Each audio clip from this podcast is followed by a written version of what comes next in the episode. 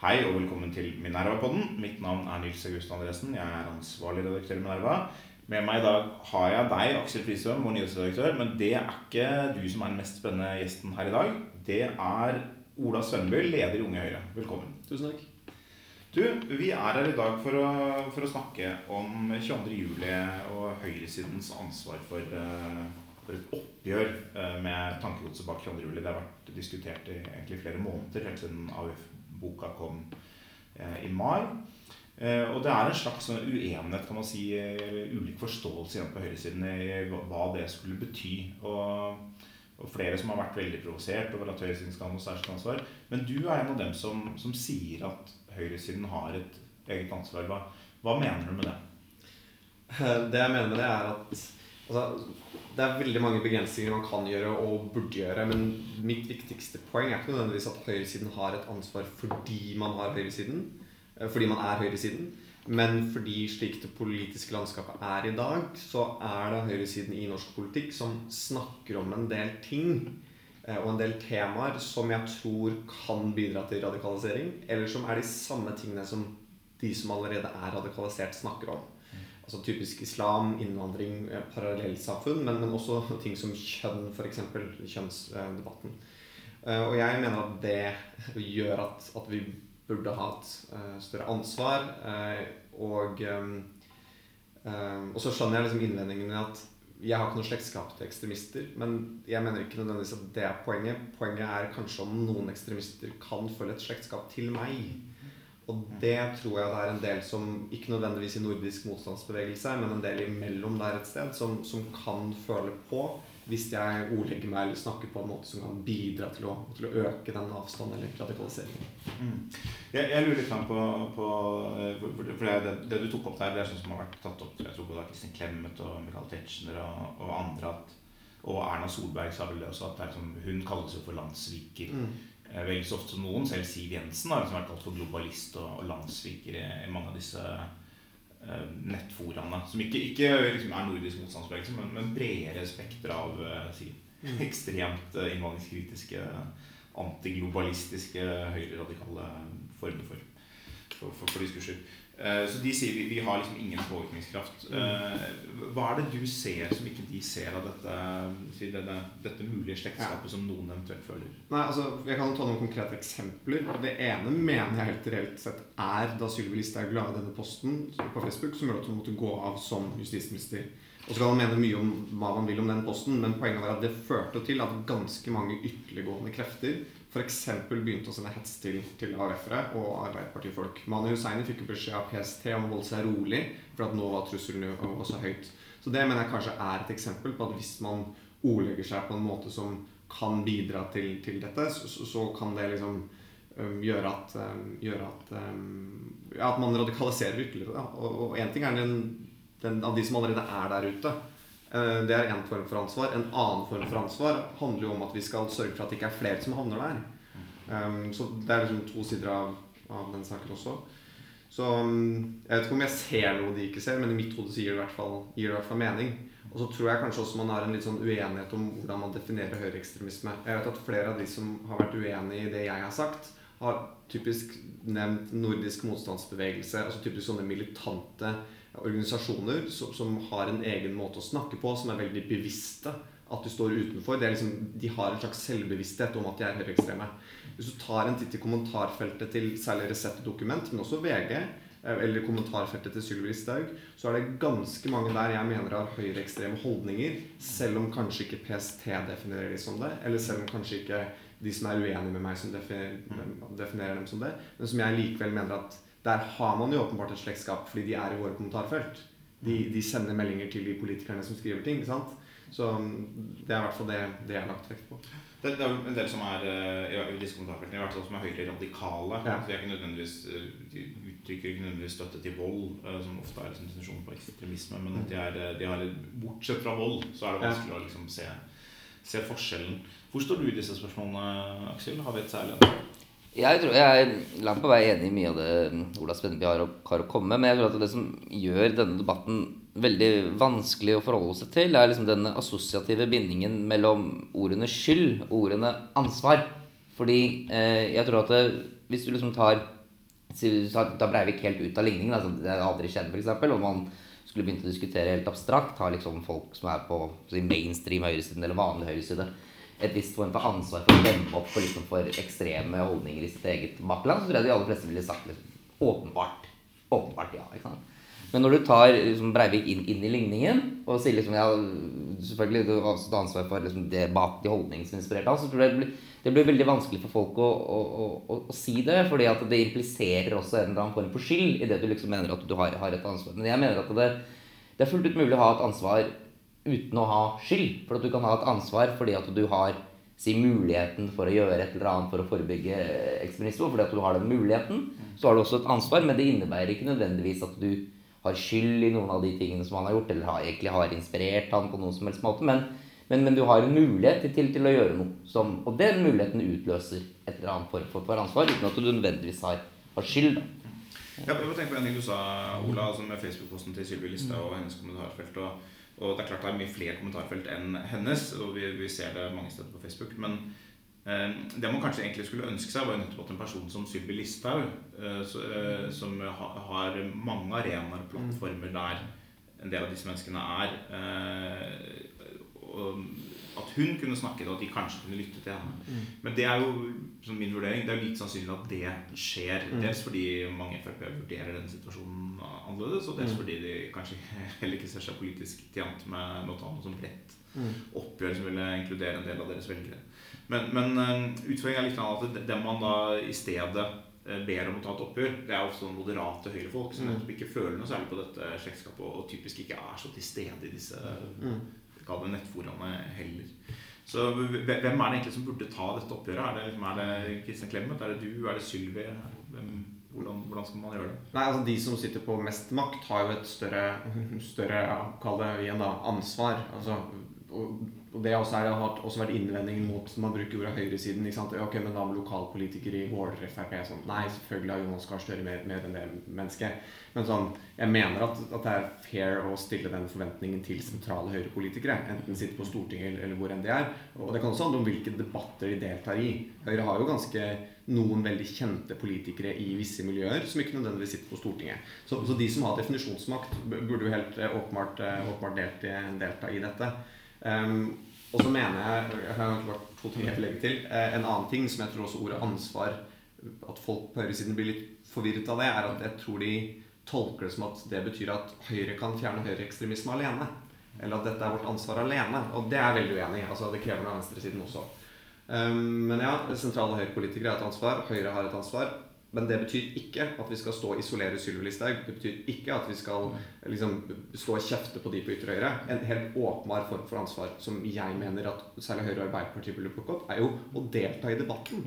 Altså Man lar Sylvi Listhaug være helt alene. Og Sylvi Listhaug er ganske god. Det vil ta inspirasjon fra henne til å nå de som er veldig veldig engasjert i en del betente saker. Men man lar liksom man, man, man går ikke inn i det engang. Og, og, da, og så går man på seminar etterpå og snakker om at debatten er polarisert. Ja, den blir ofte det når det er til venstre eller til høyre. Jeg vil bare ta, ta inn et annet aspekt her. fordi Noe av det jeg har tenkt på uh, Jeg er også da enig at man høyresiden i forstand har et, særskilt ansvar. Det er litt i forlengelsen av det du sier, Ola, at uh, vi snakker om de samme temaene. Og jeg tror noe av forskjellen på la oss si meg, kanskje deg, og kanskje en del mer liberale politikere i Høyre, er at jeg kjenner på det slektskapet. Mm. Eh, altså Det er noe med min konservative tilnærming til innvandring og med restriktiv innvandringspolitikk, bekymring for eh, utenforskap, parallellsamfunn, bekymring for en rask demografisk endring. Mm. Eh, alt dette er temaer som man finner igjen. Og så er, liksom sånn, så er det glidninger i hvordan du snakker om det. Og det er lett å se hvordan det kan utvikle seg. Et eksempel er at du snakker om parallellsamfunn, normer som vedvarer over flere generasjoner. Eh, og så kommer en annen person inn og så snakker han om balkanisering, som er en eh, liksom, en effekt av dette her. Og så kommer noen inn og så snakker de om borgerkrigen på Balkan. Så kommer noen inn og så snakker de om borgerkrigen i Norge, og så, og så begynner det å nærme seg Breivik. Liksom. Uh, og det, Jeg ser det, den utviklingen. Og jeg, jeg husker også allerede før Breivik Jeg fulgte jo datidens høyre-radikale nettsteder relativt tett. Mm. Og også vårt eget kommentarfelt den gangen. da vi hadde det, så Hvor det var en del av dette her. Uh, og, og, noe av det som skremte meg, var på en måte at jeg så at denne type ting kan under visse omstendigheter ha en forståelig appell mm, mm. til ganske mange. Og så er det selvfølgelig en helt annen kontekst uh, i USA, men noe av, dette, noe av den appellen Selvfølgelig ikke, ikke med Breivik, men ikke, ikke, med den type terror, men, men appellen for å kalle det hvit nasjonalisme. Mm. uh, den har jo Trump vist, og vist hvordan den også kan undergrave liksom, demokratiske normer og, og, føre i retning av noe som må kunne kalles høyre radikalt. Mm. Eh, og så Den appellen den er for meg liksom forståelig og tydelig. Eh, og, jeg, og, jeg, føler meg veldig fremmed og veldig liksom, veldig skremt av det man ser. Men jeg vil ikke, kanskje ikke på samme måte som Kristin å si dette har ingenting med oss å gjøre. Det som er min bekymring når, når vi blir bedt om å ta et oppgjør, er at eh, jeg, jeg, ser ikke så lett akkurat hvordan man kan gjøre det, annet enn, annet enn som du sier, å føre en politikk som gjør at disse spenningene mm. kanskje blir mindre. Men, men, min erfaring gjennom mange år med å forsøke å ta sånn oppgjør er at det ofte ikke fungerer så veldig godt. Altså Hvis man gir kontroversene veldig mye oppmerksomhet, så styrker man ofte det narrativet. Mm.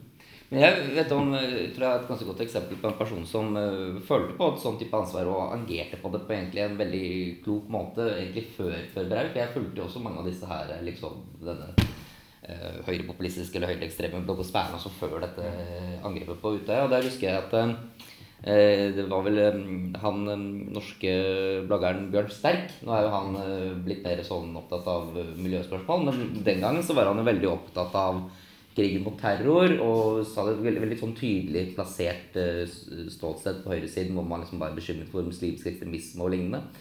Og han var ofte inne og kommenterte på mail av disse litt sånn utrerte, veldig anti-islamske bloggene. liksom, og, uh, og, og, tok, og, tilbakeviste veldig mange av disse konspirasjonsteoriene, sånn Arabia-teorien og den type ting. Men samtidig som han jo liksom kom fra et ståsted der hvor han også uttrykte en bekymring for muslimsk innvandring etc. Eh, og den type kommentarer og den måten som han deltok i den debatten på, det tror jeg var, var veldig sunt. For han anerkjenner jo at deler av disse problemene fins, men han tilbakeviser også liksom det eh, konspirasjonsteoriene og det, liksom de, de, ekstreme holdningene. Og derved liksom setter opp en form for, for grenseoppgang da, som jeg tror er, er, veldig klok. Og som kanskje er mye mer effektfullt f.eks. enn type Lars Gule, da, som også liksom var interessert i disse foraene og gikk inn og, og kommenterte og liksom sa det skriver dette bare tull. Men han kommer fra et helt et helt annet ståsted, som ikke har noe appell eller mulighet til å overbevise disse menneskene. Men type Bjørn Sterk f.eks. Han tror jeg uh, var derfor i en sånn, sånn sær, særegen posisjon da, for å liksom kunne tilbakevise liksom, de mest filtrerte liksom, holdningene som fantes på disse sidene. Ja, han var også en, en tidlig deltaker i, i denne type nettfolia mm. som gjorde at man hadde en slags sånn nettstanding den gangen dette var mye mindre uh, fenomener. Men jeg vet ikke hvor lett det er å gjenta det i dag. Jeg har brukt utallige timer på sånne kommentarfelt. Og mm. jeg husker at jeg en gang trodde at jeg hadde påvirket den av uh, gjengangeren i mitt kommentarfelt. Det, men så gikk det to uker, så kom det nye, kom det nye Quisling. Mm. Så det, det, går ikke alltid. Det, er et annet aspekt som er litt sånn relatert til dette her. Ola Ole Aksel, og det er uh, dette med hvorvidt Breivik var gal. Altså, det er litt sånn, også dukket opp litt i forbindelse med 22. juli nå. Uh, hvor man ser en sånn tydelig skille hvor mange på høyresida er mye mer opptatt av at han var gal og sto mm. alene. Og det fins jo da en un nylig undersøkelse som viser at Breivik sto veldig alene i den forstand at nesten ingen støttet handlingen hans. Mm. Uh, men hvor, hvor da mange på høyresiden er opptatt av at man skal se det som galskap og legger veldig stor vekt på psykologiske faktorer, oppvekst og sånt. Mm. Mens venstresiden er mye mer opptatt av at det er et ideologisk landskap. Det, det, korrelerer veldig med synet på liksom, hvilket ansvar man har. Og det er for seg også forståelig, for hvis det bare var galskap, så, så blir jo ansvaret også mye mindre tydelig. Mm. Hva, hva, hva, tenker dere om, om det? Altså, jeg tenker vel at det er, det er, ganske vanskelig, tror jeg, hvis man leser de brevene som man sender. Da, så vi får noen av disse, Det er ganske vanskelig å lese de brevene uten å konkludere på at denne mannen er litt i sitt eget univers og, og, og ganske gal. ikke sant? Altså, I et brev så Eh, liksom ber han om et eh, innskudd til eh, å lage en eh, mediebedrift, startup eller noe sånt, hvor avkastningen skal brukes til å beskytte verden mot et fremtidig meteorangrep eller noe sånt. Og det er liksom Det, det er jo ikke Det er jo så sortert at det er ganske vanskelig å komme vekk ifra at han eh, i hvert fall i dag i sin situasjon i hvert fall er, er, er ganske gal. Så kan det være at han har blitt enda galere et, etter angrepet. Han var mindre gal når han eh, faktisk gjorde det. Det er jo vanskelig å vite, men i dag så fremstår han som, som veldig gal. Men det eh, trenger ikke nødvendigvis Men mange av de som han har latt seg inspirere av, er jo ikke nødvendigvis eh, gale. ikke sant? Så selv om man skulle sagt at Breivik er gal, så betyr ikke det at disse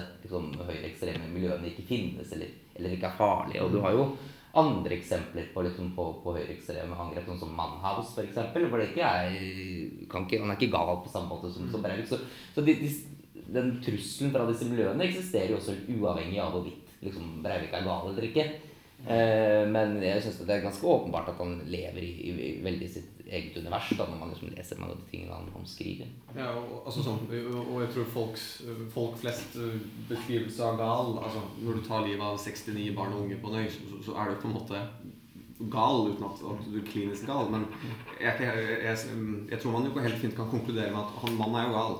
Altså, jeg vil, hvis det er et helt beskrivende ord uten at det er på en måte utelukker at han også er høyreekstrem. Eller mm. inspirert av høyreekstremt tankegods.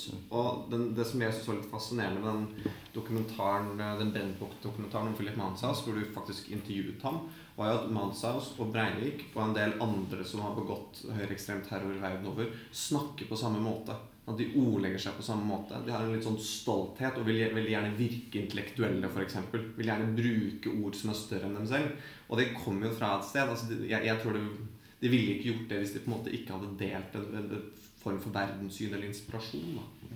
Det er jo to spørsmål som du sa. men Det er jo selvfølgelig mulig Man kan jo være paranoid schizofren og allikevel bli inspirert av, et, av, en ideologi. Og hadde man ikke blitt det, så ville man jo kanskje hatt et voldsønske eller noe sånt allikevel. De aller, aller fleste schizofrene er jo ikke voldelige, selvfølgelig. Men man kunne hatt et voldsønske likevel, men det ville tatt en annen form. Og formodentlig mindre, noe mindre eh, dramatisk da, enn en Utøya og, og regjeringskvartalet. Men, men det, eh, det, som slo meg da jeg skulle ha lest det, er at selv om det er mye som er, at Selv om det åpenbart er forrykt, og det er en forstand at man har en avvikende personlighetstype på alle mulige måter, som veldig mange terrorister selvfølgelig har.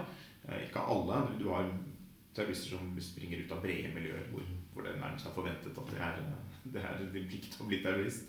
Men, men det, det, er veldig mange terrorister som har avvikende personlighet. Men det, det som slo meg med Breivik, er at eh, en del av de tingene som ble trukket frem under rettssaken som eksempler på at han var gal, spesielt i den første, eller at han var schizofren, spesielt i den første sakkyndigrapporten, det er forhold som hvis man hadde fulgt denne blogosfæren uh, veldig tett, altså Gates of uh, mm. Vienna, uh, Jihad Watch, Brussels Journal, den type mm. nettsteder den gangen, så var det mange av de punktene som fremsto som delte virkelighetsoppfatninger. Mm. Altså det er jo gjerne, hvis du er gal, så har du på en måte en virkelighetsoppfatning som er bare din egen.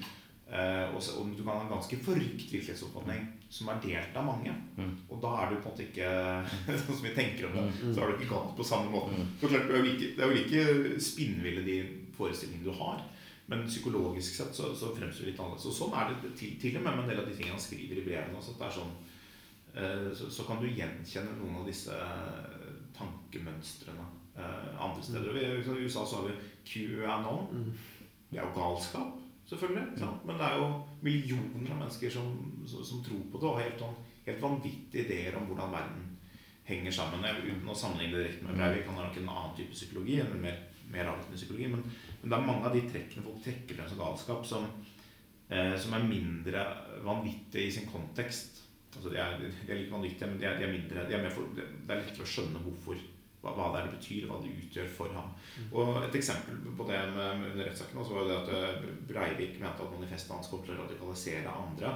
De første psykiaterne leste det som at det, var slags, eh, at det skulle skje automatisk. De så på det som et influenssymptom, at han trodde at eh, liksom et eller annet overnaturlig skulle skje at folk hadde dette manifestet. Men det er flere mennesker som er blitt radikalisert av Breivik-manifest. Mm. Og f.eks. Tarrant, terroristen i New Zealand som drepte flere mm. muslimer i en moskéskyting, han hadde lest Breivik manifestet og blitt mm radikalisert. Og det at Breivik trodde det, det var ikke galskap. Det var på den forrykt politisk ambisjon som til dels har lykkes. Ja, ja, ja. Han har, har, har, har, generert flere angrep, og så har ikke liksom borgerkrigen kommet uh, ennå, som han håpet og trodde. Men, men, vi ser jo liksom sånn det er Derfor jeg takker Trump-bevegelsen i USA. Det er et eksempel på et massefenomen som ikke er inspirert av Breivik, men, men som uh, et eksempel på at den type massefenomener kan oppstå når de trigges på mm. riktig måte over, over lang nok tid. Og det, var på at det er det som er Breiviks ambisjon. Liksom, det som var hans ambisjon. Og den kan være galskap. Man kan spørre seg sånn Lenin, eh, da, liksom, da Vladimir Ulyanov satt der i 1901 i mm. London og liksom kranglet om en resolusjonstekst for, for verdensrevolusjonen, var det galskap? Det var jo det da. Men øh, så gikk det 16 år, og så tok de makten. ikke sant? Sånn, Ja, ja, ja. så man må, man må av og til kjempe mot ting selv om de er galskap. Ja, nei, det, det, det er jo åpenbart. Og det at øh, Det er jo mange liksom, oppfatninger som er i, i, i Eller gjengis i liksom Breiviks manifest, som er, som er delt av mange. Og mye av manifestet har han jo ikke engang skrevet selv. Han har bare klippet og limt fra, fra, fra, fra andre. Og ofte folk som mener diametralt motsatte ting. Det kommer jo også i manifestet. Så det er sikkert sånn øh, De som liksom er eksemplene på at han liksom er, er gal, da, det syns ikke jeg nødvendigvis er liksom at han tror på sånn Aurabia-teorier, og det, selv om det også er gal, men de, de, de klareste eksemplene på at han liksom er, er, er gal, er liksom mer sånn øh, Jeg skal lage et øh, romprogram liksom for å stanse et fremtidig meteorangrep. Er liksom, det, er, det er mer eh, altså, det, er, det er et helt, helt eget univers.